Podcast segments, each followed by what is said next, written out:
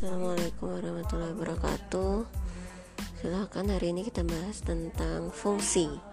Assalamualaikum warahmatullahi wabarakatuh. Nanti hari ini kita akan bahas tentang fungsi. Silahkan dibaca dulu bukunya.